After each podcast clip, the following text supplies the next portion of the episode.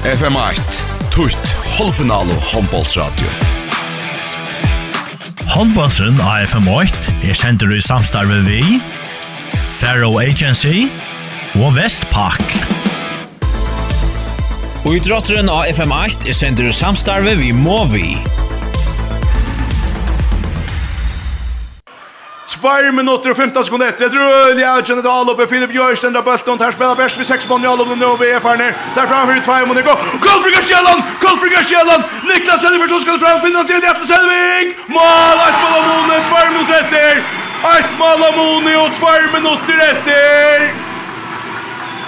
6 og 20 og 5 og 20 til VOF. 26, 25 til VHF. Men Kolfringar tevje okkurs her nå. Her er 1 minutter og 4 sekunder etter. Og Vespningar leipa. Tar av tørvan malen nå. Filip Jørsson Mansvart. Andreas Eriksson arbeider av vinstra matchen nå. Spas av Janne Gerastå. og Ivas der. Bakka til Hans Kristoffersen. Hennes det bra mitt fire. Krossad Hattler. Høttvi har kjøtt ut til vinstra vank. Johanner Jøkten. Johanne Geras då skorar av vänstra vant och så är två mål av Mone. Ein minutt och 20 sekunder efter. Kolfrik Geras kom där fram framåt. Tjejer 25 minuter. Rune Johansson för bollen fram. Asadam. Higrat mot vänster. Rune är blåsatt för pist. Kolfrik Geras kom. Ein minutt och 20 sekunder efter. Det där gamla Rune utsätter kända mannen. Det där det. Så lägger Branna. Alltså där mitt fyra. Alltså David. tar tar sig tid nu. En mot rätt just nu. Länge bort från vänstra vång. Kämpa till mitt fyra. Han ser det. Ase. Ase hötter. We're David. Där släpps jag till Nika. Tog en gång till Västningar som firmon. Så Ase. Hötter. Släpper inte till. David. Atle Morsten. Han blir så längt ut från. Styrker. Sinker bort upp i nätet. Han sinker bort upp i malhåttet. Rymmar, rymmar mal från Morsten och Nyberg Kristensen. Här är det fjörde skonetter. VOF är av bulten Kolfringar skulle jauna. Måler sig grønja sier, det er styr som å vinne. En ettmann sier, akkurat lykka. Tuttinga mykje som en tveimann sier. Kolfringar skulle bare jauna, så var det langt av leiktøy. Vestmenning at han gjør, og så tegget der time out. Og så tegget der time out. 26, 22 stendet av talvene. VF 8 vi ein normale. Vi tar 24 sekunder etter. Vestmenning har tegget time out. Og man har løte verda. Distar avgjøren sjolv som tid høyra. Vi høyra lukka hver hjelp brokna sida fra Sløykon, spennande distarenton. Gjers vel herre. FM 8, tutt, halvfinal og håndbollsradio. Håndbollsen av FM 8 er sender i samstarve vi, Faro Agency og Vestpak. Og i drotteren av FM 8 er sender i samstarve vi Movi.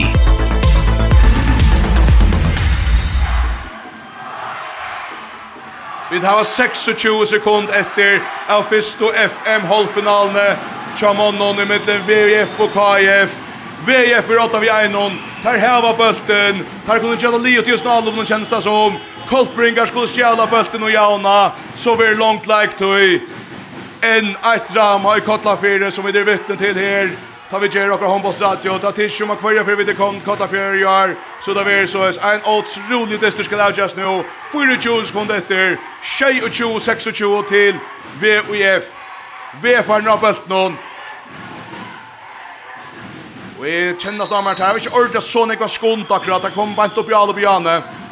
Johanne Geras då vi har bulten ner spiller vi har tagit ända etter det vinner matchen för Björn bulten längt att Johan til vinner Johanne Geras han omvokser Uppsala han på Irland så kommer Uh, Rune Fostel, og fram Brønne, og for Jöknen, han skjøt fra vi! Kolfringer har bulten, bra takler nekt opp, gjør 6 sekunder etter, tar Terja Mine nå, er 5 sekund, Rune Johansen for møtte fram, Hikker og Dagrevåg, Selvik, Naten Bjørgar! Naten Bjørgar! VOF vinner!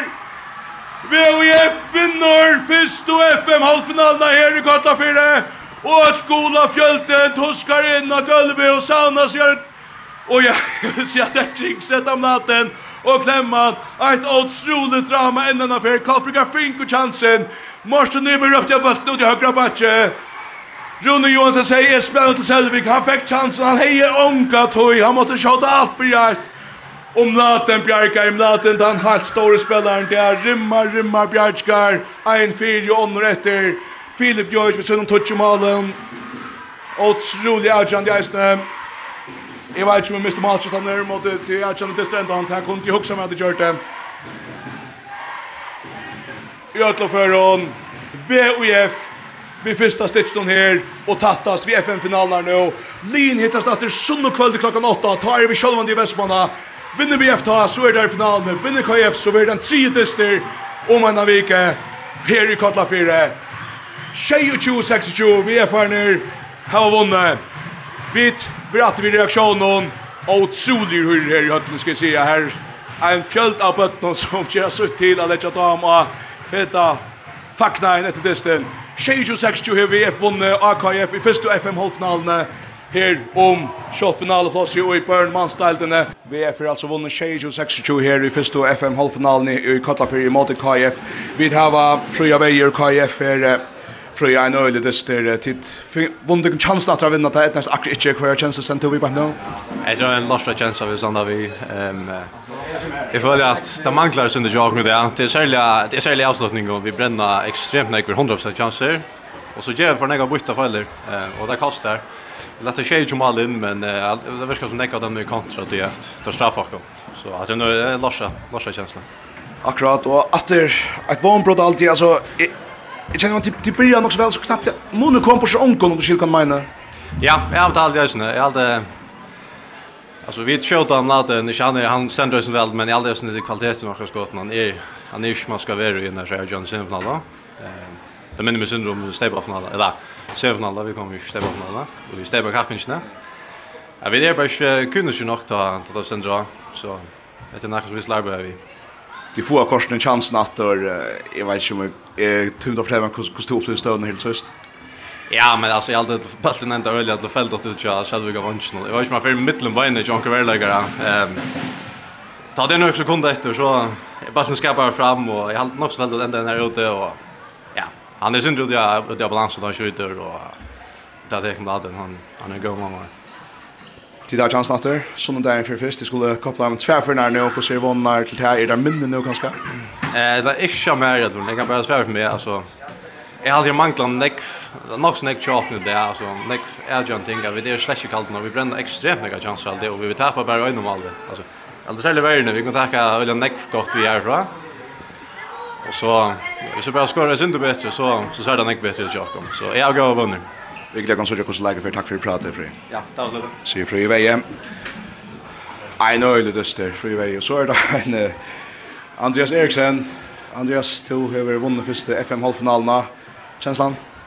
Alltså hon är ordentligt ordentligt god och man är kanske mest lätt och vill se att vi det lugga vi har blackat dysten veck. Jag hade vi spelat en öliga god första halvlek och så här vi synd ringt vi att lösa tar schema mot sex spel och vi stressar ganska usnäkt att ta på för utom Markon men hur bättre kan man säga har vi förra bästa mannen. Akkurat, går här i i Stövon. Hur Hvordan opplevde du oss av sen støvån? Uh, ja, alltså vi gör att ganska ojs och kött ja, vi hade rån för ganska in och vill Reine kanske få frukast men han han får så chansen och vi är ganska ojs och pressar vår och så kicksar och så här där touch kom här. Ja, jag tar kom upp vi fotlar för er och spelar bollen till Selvik som är en otrolig god like ja men men vi har en målman som uh, tar otroligt nek vid det och han hejer i runt till sist, det är bättre. Akkurat, det är åtta nästan att dysten bilsen av liksom hur hur gott till klara här det någon kan man nu sålde släppta helt sist. Ja, att man kan se vi har haft några trubbel av KF i år. Arne där har vi spelat fyra och tappat fyra. Ja, eh så det var sån det öliga öliga gott och jag hade omkring det så vi ber öl ytterligare mot dem. Det börjar faktiskt ordla väl, ha den rätt intensiteten och vi har kanske som sakna och liv kanske sakna sen så det är intensiteten alltså hallar har varit rätt homar jag har mot till ja mot lite allt så hade ju fantastiskt spel man kanske andra älskar spela handboll under sån här omstånd Akkurat. Jeg, jeg har faktisk nok samtidig, jeg sier at det, det, det blir lukket stikker sjolvun altså fra, fra, fra, fra enda spennende fjør, eh, og så jeg tar chans at de der rundt og funnet. Ja, altså, vi där var, vi har strust øyne, jeg var rekka, rätt intensitet och räckan rätta former. Vi har rätt omkring det ordla väl så har vi simpelthen spalt under allt lamarska och och det är så där med andra film gång kvar åtta och är och större på touchpunkta och tar väl över tagen bort jura och har hjälpt ju resten av linjen lika som att att han han visar vägen kan man se allt om det. Vånar nu till att det röka FM-finalen natten. Ja, det här är ju sånt goa. Alltså vi vet utmärska väl att det är 50-50. Alltså vi vann första dist men är ju inte vunnit än alltså. Det är jag vill säga att det är fullständigt upp igen men vi vi där sånt kan man säga tycker att Lundsty av rätt line. Det var rätt för en öliga spännande. Tack för att prata Andreas Eriksen. Vi så tjatt tycker att det är. Yes, tjatt tack. Så alltså Andreas Eriksen, som nu som likar det här. Vår här FM Ett åter VF alltså onkursvektat hyrke onkrarna bolja så vid han sitter själva KF har inte vunnit alla destnar av VF och i år, alla trutjar i landskapinnsne och i stebakapinnsne, tantes der spaldu här. Och det som är, jag har sett så ut, är faktiskt inte mer så spännande helt så tog jag kanske Sinter, ehm, Jag synes det offeren av att, at det skulle ettans VF, så vel lika väl. Sean, det här här ett näst kan jag att börja sin att det inte helt så men så skulle det inte vara att jag fick ju Janajgen men hur har det förrän lagt upp till och Hattliga spännande dist och i Västmanna sunnekväll klockan 8. Vi har var sjön en planlägga gera vi sunnekvällen till här fyra dist upp i slä och kanske inte väl manna vi vända kanske att vi kus jag säga framåt men det kan så lova för vi fyllde lägen i Västmanna.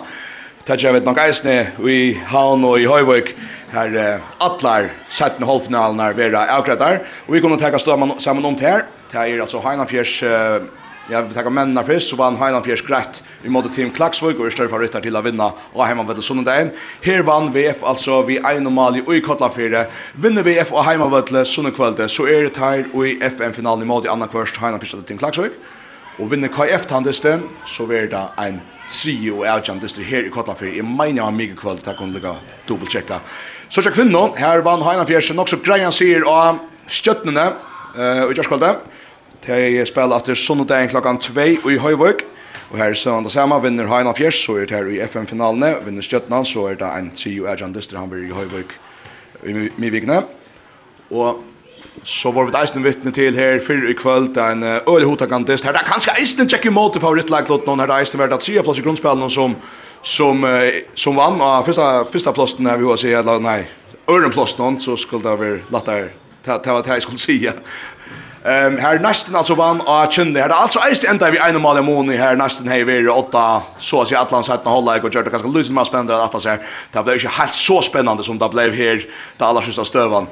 Men um, spenninger valgte helt visst, særlig ganske timebandisten at han tar vi da Lars her og i den fyrre holdfinalen, så vil jeg si at det stender rettelig opp tja kvinnerne mitt nesten og Kintil og i mittlen VUF og KF Chamonon her, Nasten og VF, altså tidsje, de første stitchene her og heva fire månen til vi vågjere fer. Vi får takka for jokon, vi er kanskje lykka lesa malskittan her, her Filip Jørsberg skasset for tutsjemalen kjem mer, Hattel Arason 4, Johan Gerstad 2, Magnus Müller 3, Rune Johansen 4 og Hans Kristoffersen 8, vanka som fitta man så det vet nok nog shot vi så just. Eh där står spelaren Cha Cha KF där var så Martin Nyberg Kristensen han ska sett för Shay Jamal där han ser Elvis X där. As dam har skrivit för två. Och Andreas Nilsson som har skorat sin tre första broadcast.